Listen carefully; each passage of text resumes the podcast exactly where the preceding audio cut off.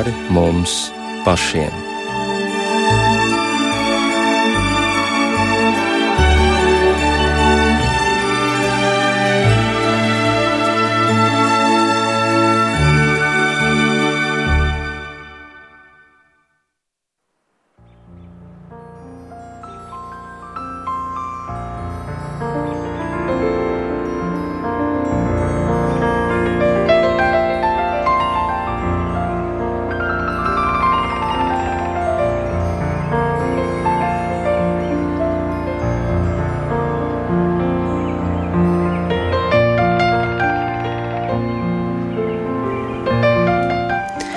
Esiet sveicināti raidījumā pāri mums pašiem, lai ir slavēts Jēzus Kristus.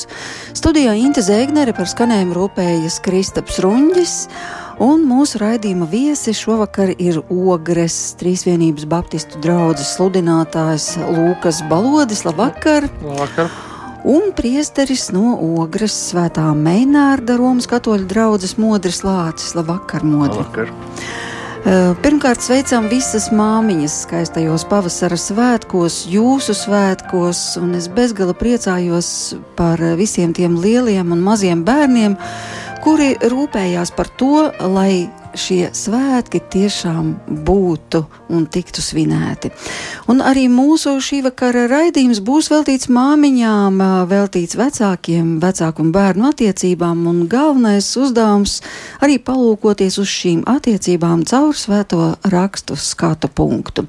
Protams, mēs zinām, bausli tā būs tēvu un māti godāt, lai tev labi klājas un tu ilgi dzīvotu savā zemē, bet ir arī vēl daudzas citas garīgas likumības likumsakarības, kuras, ja tā varētu sacīt, ir ieslēptas starp rindiņām Bībelē un tomēr atklāja ļoti daudz. Nu, tās tad arī šovakar mēģināsim sameklēt, bet vispirms, ko gribu vaicāt, kas ir tas vērtīgākais un mīļākais, ko jūs esat saņēmuši no savām mamām? Kas ir tas, kas jums nāk prātā? Varbūt tā ir kāda bērnības epizode, varbūt kāda pamācība vai varbūt pelnītais sots, kas ir bijis ļoti vērtīgs vēlāk? Nu, uh, no savas mammas ļoti daudz kas ir saņemts. No mammas pirmkārt jau mīlestība, ko viņa ir devusi. Upurējoties ļoti daudz, uh, upurējot savas intereses, lai parūpētos par mums četriem bērniem. Um, tāpat laikā arī uh, Man, man, man godīgi sakot, ir vislielākā svētība bijusi tas, ka mamma vienmēr ir bijusi atklāta. Un ko tas nozīmē? Viņa ir godīgi stāstījusi par kādām kļūdām dzīvē, kas ir izdarītas, godīgi arī pastāstījusi, pamācījusi, nav slēpusi tādas, tādas savas kļūdas. Savas kļūdas jā. Godīgi pastāstījusi, iedrošinājuši, lai mēs kaut tās kļūdas nepieļautu. Un tas nemazināja viņas autoritāti. Nē, tas tieši otrādi man radīja cieņu pret viņu, ka viņi tik godīgi spēja izstāstīt savas tās uh, kļūdas, jo mēs tomēr, nu, mēs taču visi esam cilvēki. Un ja tu viņi nekad ne, ne, teikt, necentās parādīt, ka viņi nav cilvēks, bet uh, godīgi pastāstīja, kādu viņi, kā, uh, man abi vecētāji darījuši, viņi godīgi pastāstījuši savas kļūdas, kas ir izdarīts, pamācījuši mūsu un vienmēr dabūšu labu padomu. Tas Bet... man arī ir tas, kas man visvairāk no mammas ir paliek. Jā, vai tas ir interesanti arī jūs mudinājis uz atklātību? Uh, Jā. Kontaktā ar saviem vecākiem. Jā, uh, gan ar saviem vecākiem. Man tas patiesībā ļoti palīdzēja tīņu gados, kad es uzzināju, ka man, nu, kad, kad man bija kāda izaicinājuma grūtības. Es zināju, ka es pie saviem vecākiem varu doties. Jo, uh, Gan viņi bija atklāti pret mani, viņi arī nekad man nenosodīja, varēja būt atklāts pret viņiem. Uh, nebija tā, ka viņi vienmēr viņi pieņēma, ko es vienmēr gribu darīt, reizēm pateicu skarbu vārdu. Uh, bet tas vienmēr ir bijis tagad, skatoties, priecīgs. Paldies, pat pasaku, paldies viņiem par to. Jā, modri, kā tas ir bijis jums? Diezgan līdzīgi es arī teiktu pacietība, mīlestība. Uh, tā spēja uzklausīt, sākot no agras bērnības, pat iemācīt runāt valoda, mātes valoda, un mana māte bija filologs. Un tas arī reizē ar literatūru iemācīt mīlestību uz grāmatām, vai mm, ļaut mīlēt grāmatas, arī to atvērtību uz kultūru, kā mēs kopā esam gājuši uz izstādēm, uz muzejiem. uz koncertiem, braukuši ekskursijās un pārgājienos. Un, jā, par grāmatām tas ir, ka mm, es noteikti domāju, ka vecāki ir pirmie, kas var ieaudzināt mīlestību uz grāmatām un saprast, ka tā, tā ir kāda liela gudrība.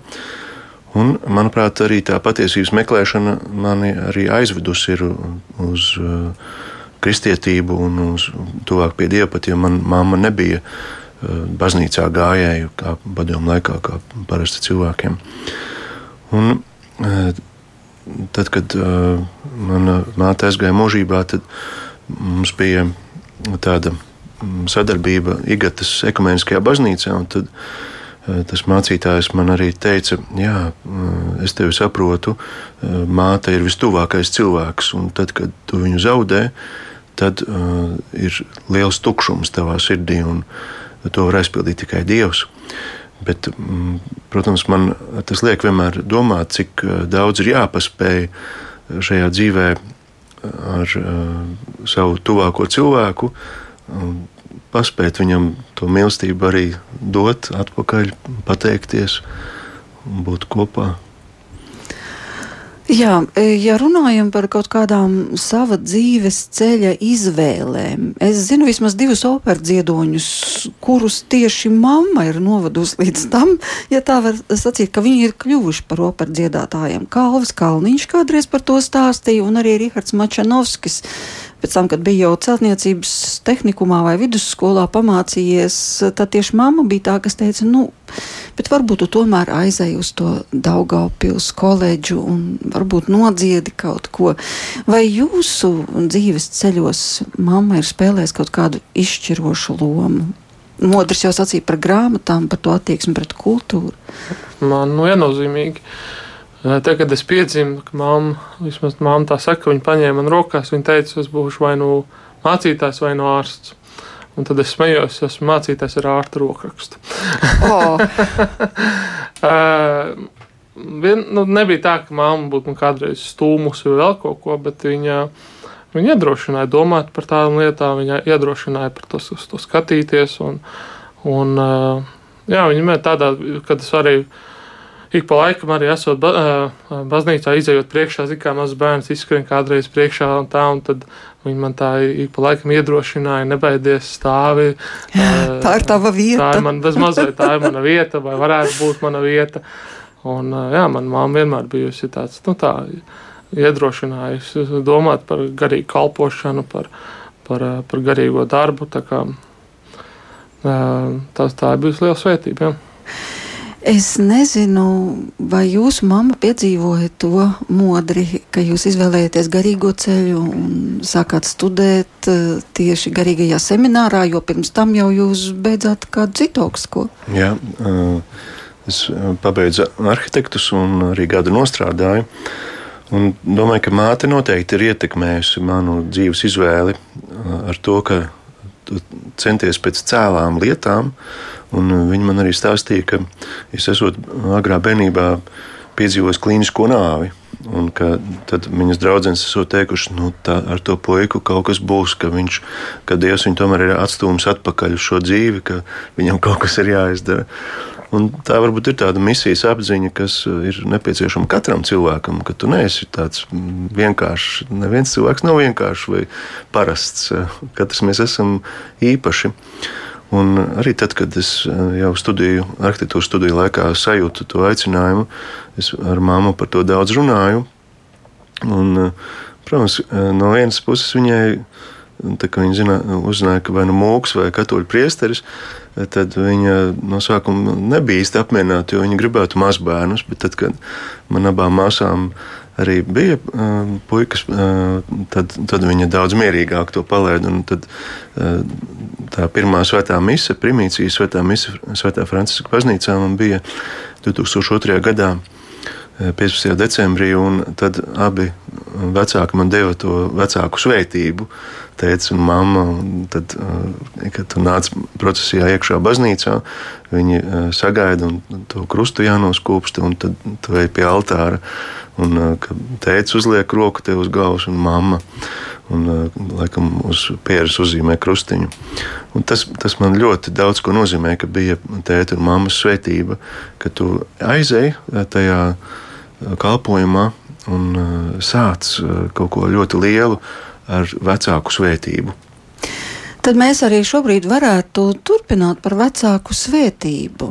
Vai tas ir tikai tāds ārējs, kāds žests, kāda tradīcija, nu kādreiz pirms laulībām, vai kad atved savu līgavu pirmoreiz uz mājām, nu arī lūdza to svētību. Vai tā ir tradīcija, vai tur tomēr ir daudz dziļākas tās garīgās saknes, un tas ir nu tā pa nopietnam tā svētība, ja vecāki dod svētību. Kāds spēks tai svētībai? Uh,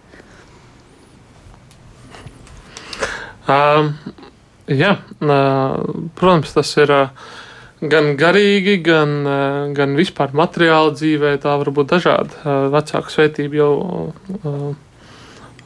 tā teikt, dažādi izpaužās. Pirmkārt, jau tas ir tas, ka ja, ja ar tādā materiālā vai ar tādā morālā viedoklī, ka vecāki dod jau tev padomu, vecāki tev ievada dzīvē, vecāki tev palīdz vispār eh, saprast, kas ir vērtības, kas nav vērtības, kas ir labi, kas nav labi. Eh, vecāki tev audzina no bērnu kājas un palīdz visas šīs lietas iemācīt. Un tāds ir vecāku uzdevums. Vecāku uzdevums ir audzināt bērnu, lai viņš zinātu, kas ir labs, kas ir slikts, un audzināt viņu arī par dievu, audzināt bērnu uh, morālos jautājumos. Un, un tā tālāk. Tad, nā, protams, arī šī garīgā svētība, kas ir arī, ko arī Bībelē mums arī daudz stāsta par to, ka Dievs svētīga. Dievs svētīja ģimeni, Dievs svētīja laulību, Dievs svētīja arī vecākus, un gan vecāku autoritāte ir dota no Dieva, un, un, un, un tāds izpaužās. Un, un tas tomēr arī vecāku tā, tā autoritāte un tā svētība saglabājas bērnu dzīvē līdz pat uh, mūža galam. Tad varētu sacīt, ka tas ir tāds pārdabisks spēks, kuru varbūt mēs dažkārt arī, nu, kā vecāki neapzināmies, vai arī varbūt tie, kas ir bērni, nu, nelūdz vecākiem, nu, svētī mani, jo, jo nu, tā kā krustazīme ir ļoti milzīgs spēks. Jā, Kaut arī reiz... dažkārt neredzams tāpat arī šī svētība, ka tieši vecāku svētība ir ļoti liels spēks. Man uzreiz nāk prātā patriarhi vecajā derībā. Ābrahams un uh, Īzaks un, un visi, kas pēc tam nāk, Jēkabs. Un tas, kā Ēzavs pārdod savu vecākā dēla privilēģiju par lēcu virumu, virumu nu, tā kā putru, zupu. Ja? Un ka tas tiešām tā arī notiek, ka tā svētība, ko tēvs viņam dod, uh, ko būtu devis vecākam dēlam, tas aiziet jaunākajam dēlam, un no tā eh, dēla ir visa eh, izredzētā tauta veidojusies, un ka tā svētība eh, ļauj pilnīgi praktiskās, konkrētās lietās arī saņemt šādu izteiksmi.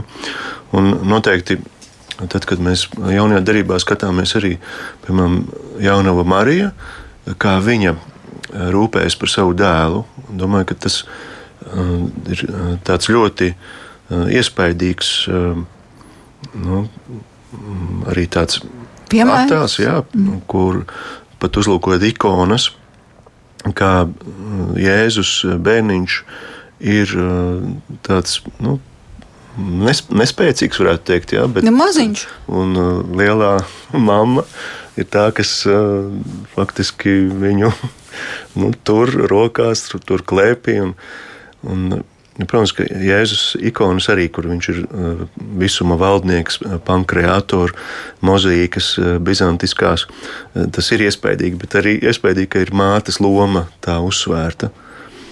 Nu jā, bet par to svētību. Jā, jā. jā vēl gribēju papildināt par saistībā ar mātes lomu, ko Modričs jau teica. Arī ir tas, ka um, mātes ļoti izteikti, vismaz cik es arī ievēroju, daudz citu cilvēku dzīvē, viņas ir tās, kas lūdz par saviem bērniem.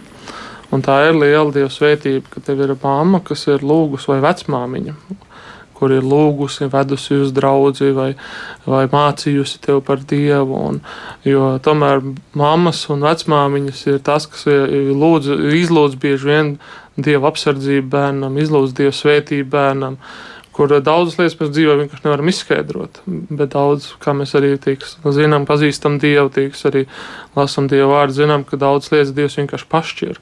Tāpēc, ka cil, ir, kā bija rakstīts, daudz spēja ticīt cilvēku lūgšanu, darboties savā spēkā. Un, un cik daudz tieši mammas ir cīnā, cīnās tā teikt par saviem bērniem uz ceļiem, lūdzot.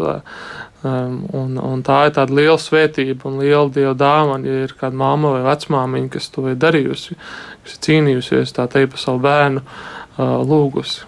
Un tā ir, jā, tā ir liela svētība.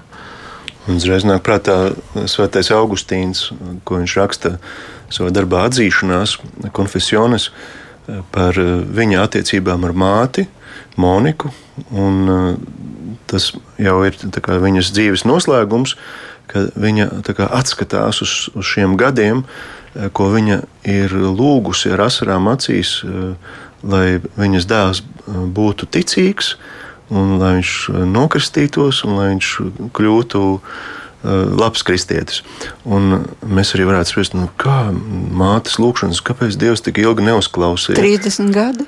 Jā, un beigās eh, viņš kļūst ne tikai kristietis, bet arī priesteris, bīskaps, baznīcas mācītājs, doktors un liels, viens no lielākajiem baznīcas tādiem nu, domātājiem, mācītājiem. Jā, par svētību ko spēj sniegt vecāki, un arī par mātes lūgšanām. Noteikti runāsim turpinājumā, bet gribētos arī visām mamām veltīt kādu dziesmu. Ļoti pazīstami lūkšanas vārdi, Ave Marija, un tā ir ieskaņota 2003. gadā Kristīna Medne tur ir soliste. Tagad tā tad ir pagājuši 20 gadi. Bērns ir izaudzis liels, nes ko viņa dara tagad. Un kopā ar viņu Rīgas eh, valsts pirmās gimnāzijas meiteņu koris sapnis.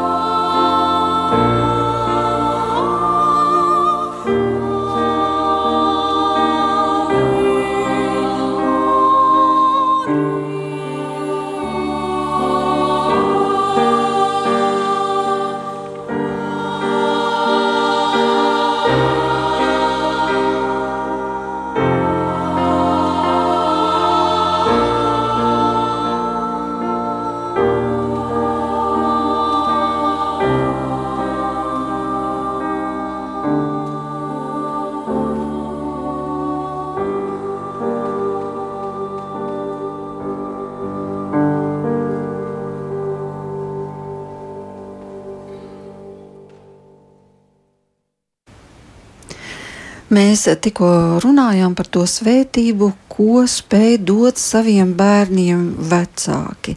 Gan ar padomu, gan materiālās lietās, bet arī garīgās lietās ar to vien, ka viņi pasaka, lai Dievs tevi svētī. Nu, tad atgriežoties pie tā, vai tiešām tam ir tik liels garīgs spēks. Varbūt pat neatkarīgi no tā, cik regulāri vecāki apmeklē dievnamu.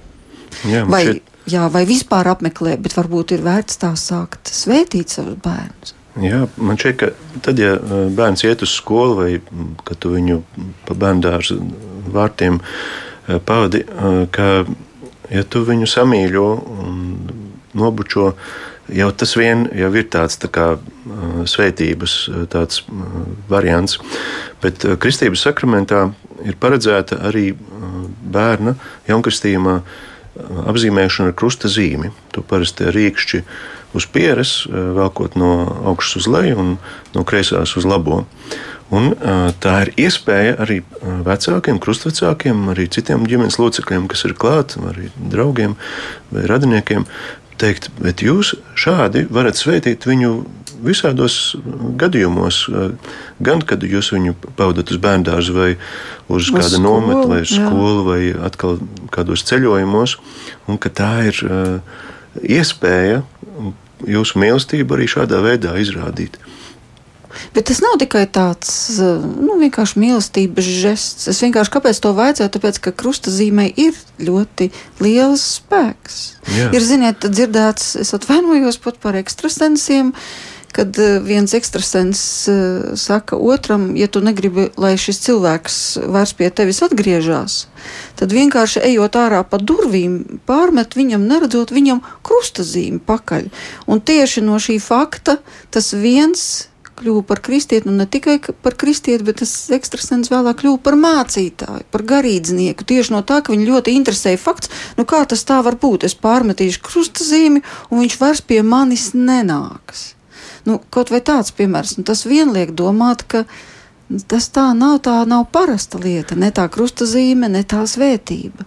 Vienīgi jāuzmanās, lai tas nekļūst par kaut ko maģisku, mm. kā, tāda kā burvestība. Es tad pārmetīšu krustasīm, viss nokārtosies.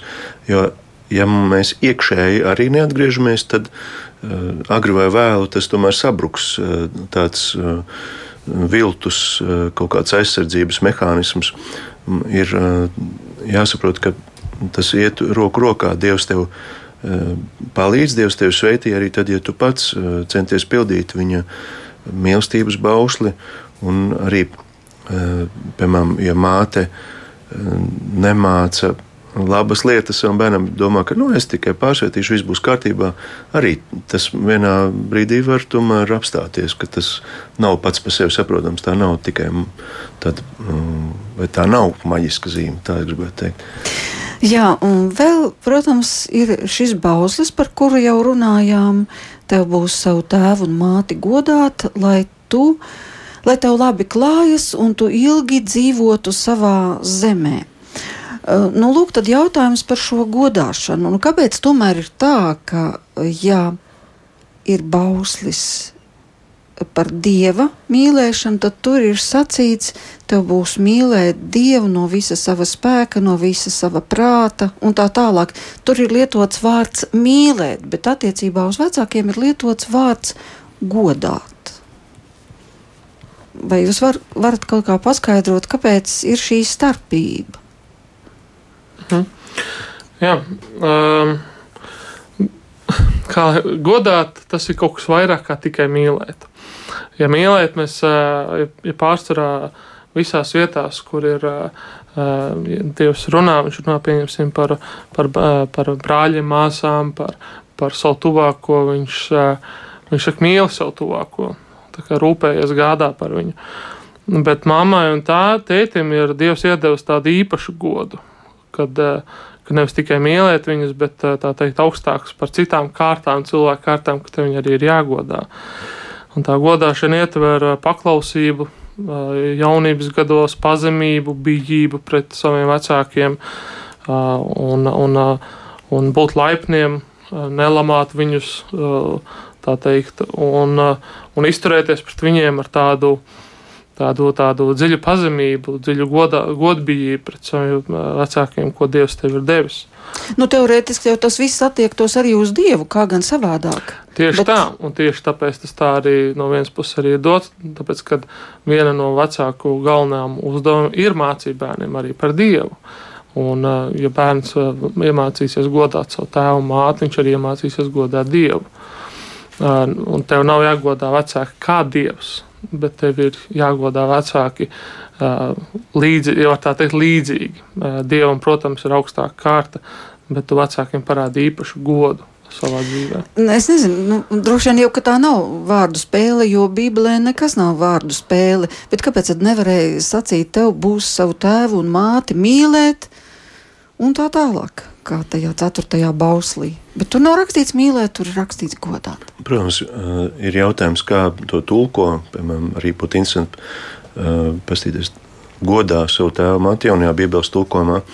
Un, uh, tā forma, arī uh, kā Gliks sākumā to mēģina pateikt, un ko mēs latviešu valodā šodien ieliekam tajā vārdu nozīmē, tieši kā Lukas teica, ir ne tikai mīlēt, bet vēl vairāk mīlēt, ka ja dažreiz stāsta iemīlēšanās un īsta mīlestība, kā tās atšķirās, ka būtu vairāk uz emocijām, jā, tur samīļot, sabučot, mamma, es tevi mīlu, bet vai tu paklausi, vai tu esi klausīgs mammai, un vai tu arī vari darīt dažādas svarīgas lietas, tos darbus, ko mamma tev liek darīt, un tas jau ir kaut kas vairāk. Tā, tā ir mīlestība darbos. Un tas cieņas un uh, arī paklausības aspekts arī uh, tajā godāt, uh, dot godu. Tas atkal jau paceļ tādā augstākā līmenī, ka tā ir cita mīlestība. Grieķiski ļoti skaidri viņiem ir pat savi vārdi katrai tai mīlestībai, kas ir pret nu, draudzes locekli, piemēram, agape, tuvāk mīlestība vai arī pret kādu nabadzīgo, vai nu, žēlsirdība. Un tad vecāku mīlestība ir at, at, atsevišķa, draudzība ir atsevišķa, un mīlestība pret vecākiem atkal atšķirīgs vārds. Nu, protams, mēs latviešu sakām vienu to pašu mīlestību. Jā, bet vai jums nešķiet, ka pret šo bausli ir ļoti viegli paklupt? Nu, ļoti viegli. Tur jā, man tieši tā. Un patiesībā es vēlos nu, arī pateikt tādas pāris lietas, kāpēc tā no vienas puses arī ir. No viena lieta ir tas, ka kura uzdevums ir, tā teikt, kura problēma tā ir, kad bērns neciena savus vecākus vai negodā savus vecākus. Tā ir vecāka vai tā ir bērna problēma. Nu, un kā tas izskatās? Tā ir vecāka problēma, jo vecākiem ir jāmāca bērnu godāt sevi. Tas ir primāri vecāku uzdevums. Ir jāmāca bērns.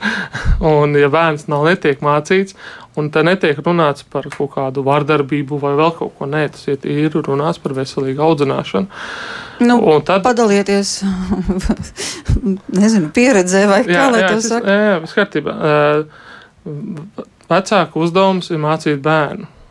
Un līdz ar to, ja mazs bērns, piemēram, man ir divi mazi bērni, Eh, mani mazi bērni, eh, īpaši mans mazais puika, puika kā viņš parādīja savu mīlestību pret savu māmu, viņš viņai sita.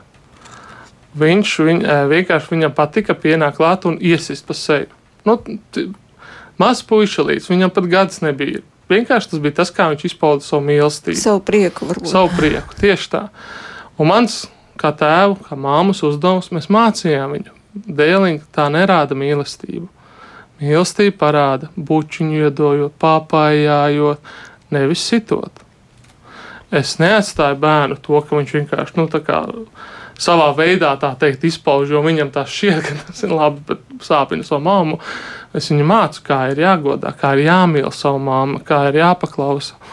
Nu, te, tas ir, tas jā. ir viens, un tad otrs ir tas, ka vienā brīdī bērnam pāriet, pāriet uzdevums uz viņa atbildību pienāk punkts, un ebreju tradīcijā tas arī ir izteikti arī tas, un arī mums arī Latvijā likumdošanā ir nu, pārsvarā 14 gadi, ir tas posms, kad tas jau pāriet kā bērnu uzdevums. Bērnu pienākums ir godāt savu vecāku.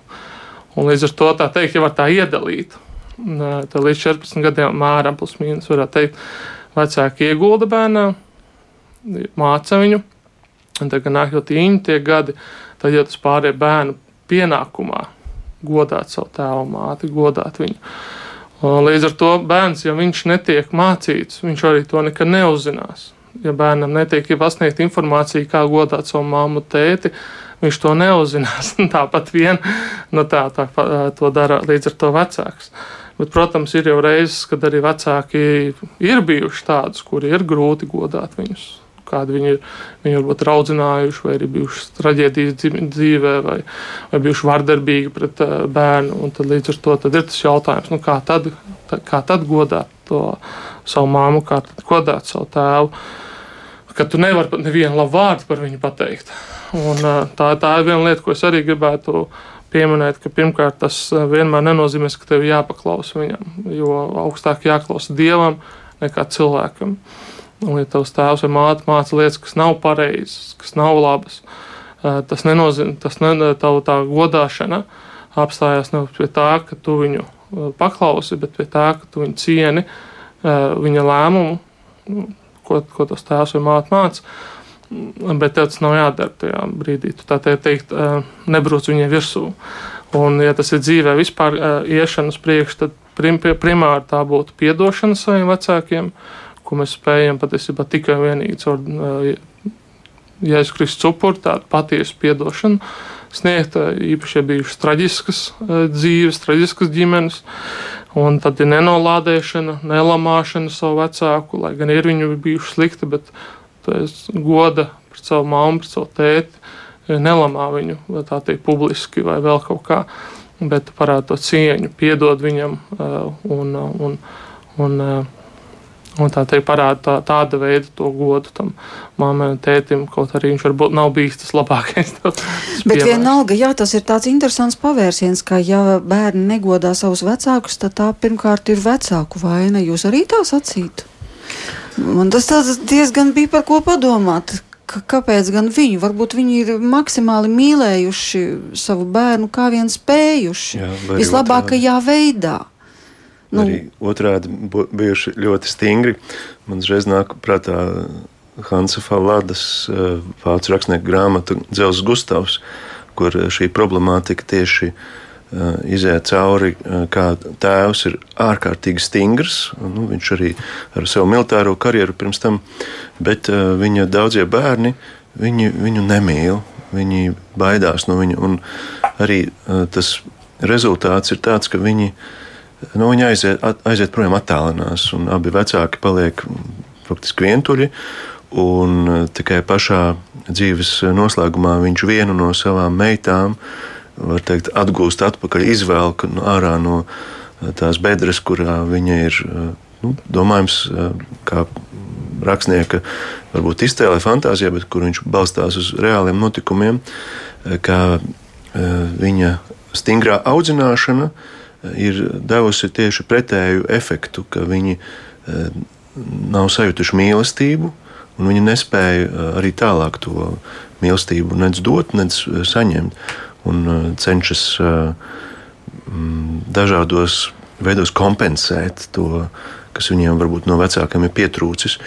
Bet atkal lutināšana, bez šaubām, tas atkal varbūt tā otra, otrs grāvis, otra galējība. Nu, manā dzīvē ir bijis tā, ka man vecāki ir bijuši, kā lai, kā lai pasaka, man vecāki, man vecāki, viņi ir stingri, bet mīlestības pilni. Un, uh, un to es esmu pieredzējis sev savā dzīvē. Man ir bijušas stingras robežas, bet uh, es vienmēr, varētu teikt, es vienmēr esmu jūties mīlēts. Un vecāki ir teikuši, ka viņi man mīl, viņi ir rūpējušies par mums, gādājuši par mums. Uh, apskāvuši, turējuši apskāvienos un, un, un, un tā teikt, stingrība bieži vien aiziet galējībās. Vai nu ir mīlestība tikai, vai stingrība tikai. Bet ir jābūt tam vidusposmam. Tev ir bērnam jāmāca robeža, bet tev nav jānoņem viņa mīlestība. Tev tieši otrādi tu dod vēl vairāk mīlestību. Uh, nu, tad, tad tas vismaz manā dzīvē, kā es esmu to pieredzējis, kā es esmu to redzējis, vismaz saviem vecākiem, vecākiem, stingras robežas un liela mīlestība, tas tomēr ir Ļoti liela svētība. tas pareizais ceļš. Tieši tā, un Bet tā, redz, cik un tā neiet runa par vardarbību. Es vienkārši gribu pateikt, tas, par cik šobrīd aktuāli mūsdienās tagad pat, pat vardarbība ģimenē. Stingras robežas nav vardarbība. Nekādā gadījumā nē. Tas, ka tu bērnu māci, tu viņu nesit par to. Manā, man bērniem tas ir uh, pasēdēt vienam, kaktā, kaktā mēs pat neliekam. Mēs vienkārši no, pal- apsēžamies ar viņu kopā. Uzliek, es bērnu paņemu klēpīs, pa, izrunāju ar viņu, kāpēc tas tā ir, paskaidrot, kāpēc, eh, kāpēc mēs tādas lietas darām vai kāpēc mēs tādas lietas nedarām. Mēs ietveram stingru robežu, bet mēs mācām bērnu, skaidrojam viņu, kāpēc tā ir. Un mana meitiņa, kurai jau ir uh, trīs gadi, viņa sāk manu ma mazu, mazo dēliņu mācīt. Tāpēc, ka viņa zina tās robežas, un viņa saprot, kāpēc viņas ir. Un, un, un tas ir man ir prieks to redzēt, kā tēvam. Un tas nozīmē vispār tādu apusēju procesu, ka vecāki tā tad dara visu, lai bērni viņus godātu, un līdz ar to bērniem ir arī viegli viņus godāt. Tā tad apusēja palīdzība varētu teikt, lai tiktu pie tās lielās dieva svētības.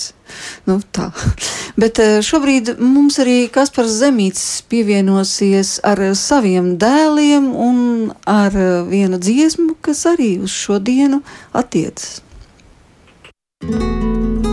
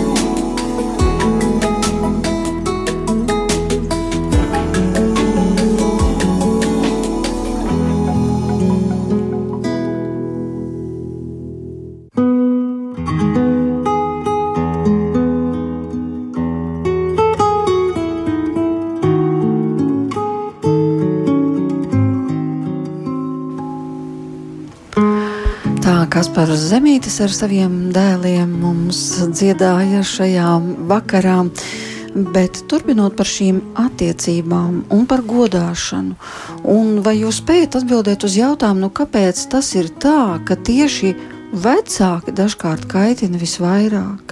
Un ka tieši vecāki spēja trāpīt tajās visvargākajās vietās, un īpaši mammu, meitu attiecībās, tas jau sevišķi spilgti izpaužās. Un šķiet, nu kā tas tā var būt, ka vajag pajautāt tieši to jautājumu, kas tam otram cilvēkam liek uzsprāgt. Vai, vai tomēr arī tur neslēpjas kaut kādi garīgi pamati, vai nu lūkšanas nav, vai nu kaut kādi citi bērnības aizvainojumi. Kāpēc tas tā ir, kas starp vistuvākajiem?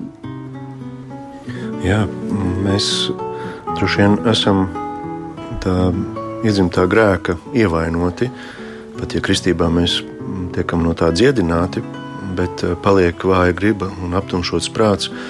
Un kā dažreiz latvieši saka, mīļākais ēdiens Latvijas iekost viņam, un uh, tam mīļākajam cilvēkam arī jā, Tad, kad viņš mums ir nejauši uzminis uz tās važas, un mēs atkal atriebjoties, izvēlkam kaut ko tādu indīgu ārā. Bet nē, bet tieši tā kaitināšana. Es esmu mm. daudzkārt dzirdējusi, un diemžēl arī pati piedzīvojusi, ka dažkārt ir ļoti kaitinoši tas, ko tev saka. Tagad es to novērtēju kā vislabākās zelta domas. Jā. Bet ir kaut kāds posms, kurā tevi tas kaitina. Man šķiet, ka tieši pusaudžu vecumā ir ļoti pretēja reakcija kaut kādām pamācībām, ka tas tieši eh, tev liek rīkoties citādi, kā protestē. Un Lukasam tas viss vēl stāv priekšā ar saviem mīļiem bērniem. Pusauģu vecums, un uh, tad tiešām kaitina, ko tu vari, kāpēc man istaba nav kārtība, nu, kārtībā, nu kas, uh, es esmu jau liels un, un zinu labāk, un arī kurš, kura būs mana īstā izredzētā. Nu, teikti, jābūt, ir, protams, tas ir labi, mātes un tēva sveitība, bet beigās tomēr tā ir šī jaunieša dzīve, kuru viņam ir jādzīvo. Un ir diezgan rūkti apzināties arī vēlāk, ka jā, mamma man pareizi pateica, bet nu, ir par vēlu. Bet kāpēc viņa pateica tā? Vai viņa varēja arī man ļaut Nevis ar savu tādu izzinību to pateikt, bet ļaut man pašam kaut kā nonākt līdz tai atbildēji. Un tas uh, kaitinošais uh, ir jāpanalizē, kas tieši mani kaitināja un kā lai es uh, otru nekaitinātu. Un, ja mēs lūdzamies un šajās attiecībās cenšamies būt godīgi, tad mēs atradīsim, ar ko es centīšos nekaitināt otru. Tā, tie dažreiz ir sīkumi, ka tie, kas dzīvo ilgi kopā, viņi jau kaut kādā veidā jau pieslīpējas, bet tik un tā mums ir jāpārvar tādas, nu, tie nav netikumi, tie tādi ne, nelabi ieradumi varbūt, kas otru cilvēku var kaitināt, un arī tie vārdi, nenosargātie, nenokontrolētie vārdi, kas pat mums pašiem šķiet, oh, nu, kā piemēram pateikt, Ak, tu mans mazais muļķīti, bet varbūt Ak, tas sagrauj, tas varbūt sagrauj to bērnu. Vai... Ar lielu mīlestību, vai ne? Jā, tas ir uh, lietas, es atceros, piemēram, arī, ka man nu, bērni nav tīņa gados, bet pats esmu gājis tam cauri. Kad uh, es atceros arī, jā, kad man ar uh, tēvu bija saruna, un es atceros, kā man teica ļoti ātri un palīdzēja saprast, kas noticis. Viņš man vienkārši pasakā, to nu, jā, man jau nekad nav bijuši 14 gadi. un tad es sapratu, nu, ko, nu, ko es te runāju. es tas strīdos ar tēti, kā viņam nekad nebūtu bijuši 14. un, uh, Un, un tad ar māmu arī man, man bērnībā grūti, tieši tīņa gados bija grūti ar māmu, tieši tāpēc, ka es biju iekšēji sāpināts daudzos, daudzās, daudzās tādās dzīves jomās, tieši tas man palīdzēja tam tik pāri tieši tad, kad es iepazinu Kristu. Tagad es uh, nožēloju savus grēkus, tagad es nācu pie viņa, tad viņš man, uh, tā teikt, man iekšējos mūrus sagrāva, un, uh, un es spēju daudz veselīgākas attiecības veidot ar savu mammu, un savu tēti un saviem pārējiem tuviniekiem apkārt. Tas bija manā dzīvē, tas izpaudās tieši caur Jēzu Kristu. Viņš sagrāva manas visas šīs mūrus, piedeva manas grēkus un deva šo mīlestību, piedošanu, Un, uh, tā plūda no manas ārā. Līdz ar to tas, tas, tas, tas uh, palīdzēja man visam šim tīņu posmam, viegli, viegli teikt, iziet tam cauri. Un, un tā bija tā lielā svētība, ko es, ja ir tās attiecības grūtas, uh, tur ir ļoti daudz, varbūt, sāpīgas pieredzes pagātnē. Tiešām, kā Modrs teica, kādi vārdi, kas ir pateikti, kas ir aizķērušies, kas kaut kāda trauma, kas ir bijusi no bērnības, vai tur māma kaut ko ne tā ir darījusi, vai spiedusi, vai vēl kaut ko.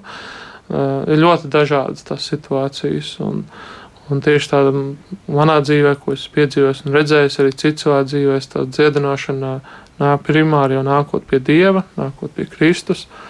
Un viņš tad dod šo, šo žēlstību, šo mīlestību, ko tur piedot savai mammai, ko tur vai savai meitai un ko jūs varat izlīdzināt šīs attiecības. Jo ir grūti dot mīlestības, kurš tev pašam nav. Un līdz ar to labāk ir doties pie mīlestības avota, saņemt to mīlestību, saņemt šo atdošanu, piedot saviem.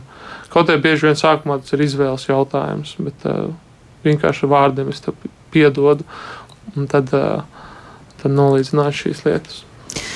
Jā, Modri, jūs sacījāt tādu ļoti svarīgu vienu frāzi par to, ka tad, kad mamma bija aizgājusi, tad iestājās dvēselē ļoti liels tukšums, un jums tas otrs mācītājs teica, nu jā, nu to tukšumu var aizpildīt vienīgi Dievs. Bet paliek ļoti daudz pret sevi sirdsapziņas pārmetumu, un tad tiešām ir vārdi vietā, kāds es biju muļķis, vai arī muļķi, kā es neredzēju, ka viņi ir vientuļi, ka viņai sāp, ka viņa gaida, kad es atnākšu, bet man nav laika. Mēs visi esam tik aizņemti, tas mums ir attaisnojums un tā tālāk. Bet tad, kad šis laiks paiet, ir ļoti žēl, ka tu vairs nevari parunāt ka tev gribētos arī daudz vairāk uzzināt par viņas dzīvi, viņas domām, bet tas laiks ir pagājis un sāpe ir palikusi. Ko darīt ar to sāpi? Nu, ko tad? Un tādu situāciju ir ļoti daudz. Jā, mm, varbūt priesteri un mācītāji ir pieraduši pie bērniem, un uh, viņiem ir gatavas frāzes jau, bet tad, kad mm, pēc uh, ilgiem šiem kalpošanas gadiem tev ir jāizvada mūžībā uh, savus tuvus cilvēkus, tad tu saproti, ka tie vārdi ir uh, tikai kaut kāda ārējā čaula, ka tas, kas ir no sirds uz sirdi, tas ir kaut kas daudz, daudz vairāk un dziļāk. Un mēs ar uh, savu klases biedru runājām arī. Viņš savus vecākus bija aizvedījis mūžībā jau sen. Un, um, es viņam saku, jā, bet es ticu, ka cilvēka dvēsele ir nemirstīga.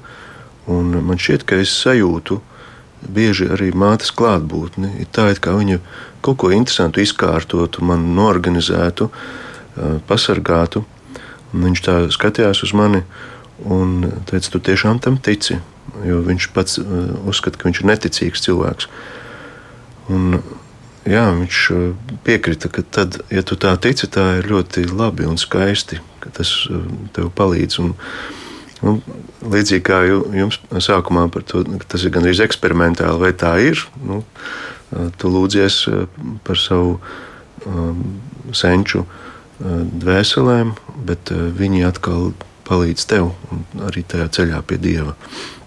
Mhm. Vai tas nozīmē, ka šīs nenolīdzinātās lietas, ka ļoti daudz ir šo pārmetumu sev, kāpēc es neizdarīju, kāpēc es nepateicu, kāpēc es nepalīdzēju, kāpēc man nebija laika, un viss šis, tas ir vesels komplekts, ko sev pārmest, tad ko darīt?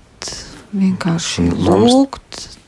Mamma stāstīja tādu nu, sapni, bet īstenībā tā ir ļoti izplatīta tāda vai leģenda.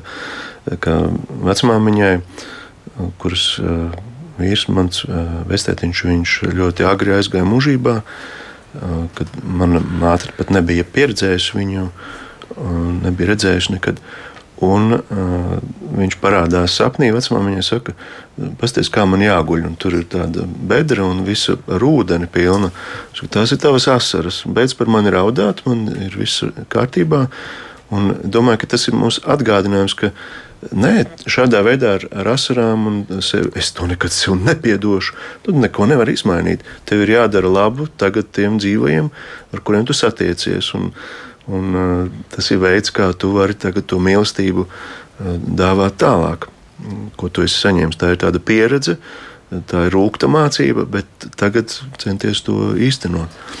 Es piekrītu, ko Modeša saka, to, ka ir Pirmais ir pirmkārt ir jāsap, jāsaprot skarbā realitāte, kas ir noticis, tas ir noticis. Un, uh, un tad ir jāiet šim piedošanas ceļam cauri un, un, un jānoliek no šīs lietas un jālūdz piedošanu Dievam par to, kas, ko tu neesi izdarījis, ko vajadzēja izdarīt. Un, uh, un tad uh, jāpiedod arī bieži vien sev ir par to, kāds tu esi bijis. Un, Un, un tad jāiet šim piedošanas ceļam cauri, un tas nav viegli, protams. Jā, bet mīlestība nekad nebeidzās. Un mīlestības saiknes, kas pastāv šeit, viņas turpinās arī mūžībā un pie Dieva visu dzīvi. Nu, es turpinu lūgt par savu mammu, turpinu lūgt arī viņai atdošanu. Un tas ceļš laikam kopā tādā veidā mums turpinās, bet varbūt arī mēs pavisam īsi varam lūgt par mamām, kas šovakar klausās raidījumu. Dievs, mēs te pateicamies par savām mātēm Mēs pateicamies par visu, ko viņas mums ir mācījušas, devušas, rūpējušās par mums, par viņu pacietību, ko mēs varbūt tajā laikā nenovērtējām, par tām reizēm, kad viņas ir palikušas pie mums, kad mēs slimojām, par tām asarām, kas ir lietas, kad mums bija kādas nelaimes. Un lūdzam, lai šī mīlestība varētu arī mūsu dzīvēs īstenoties, lai mēs varētu ar to mīlestību, ko esam saņēmuši no savām mamām, ar to mīlestību mīlēt arī citus cilvēkus.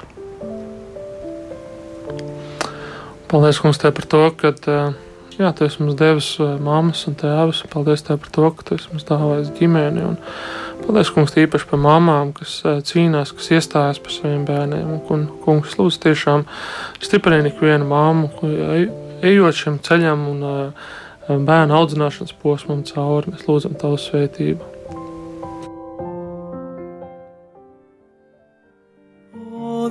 Outside world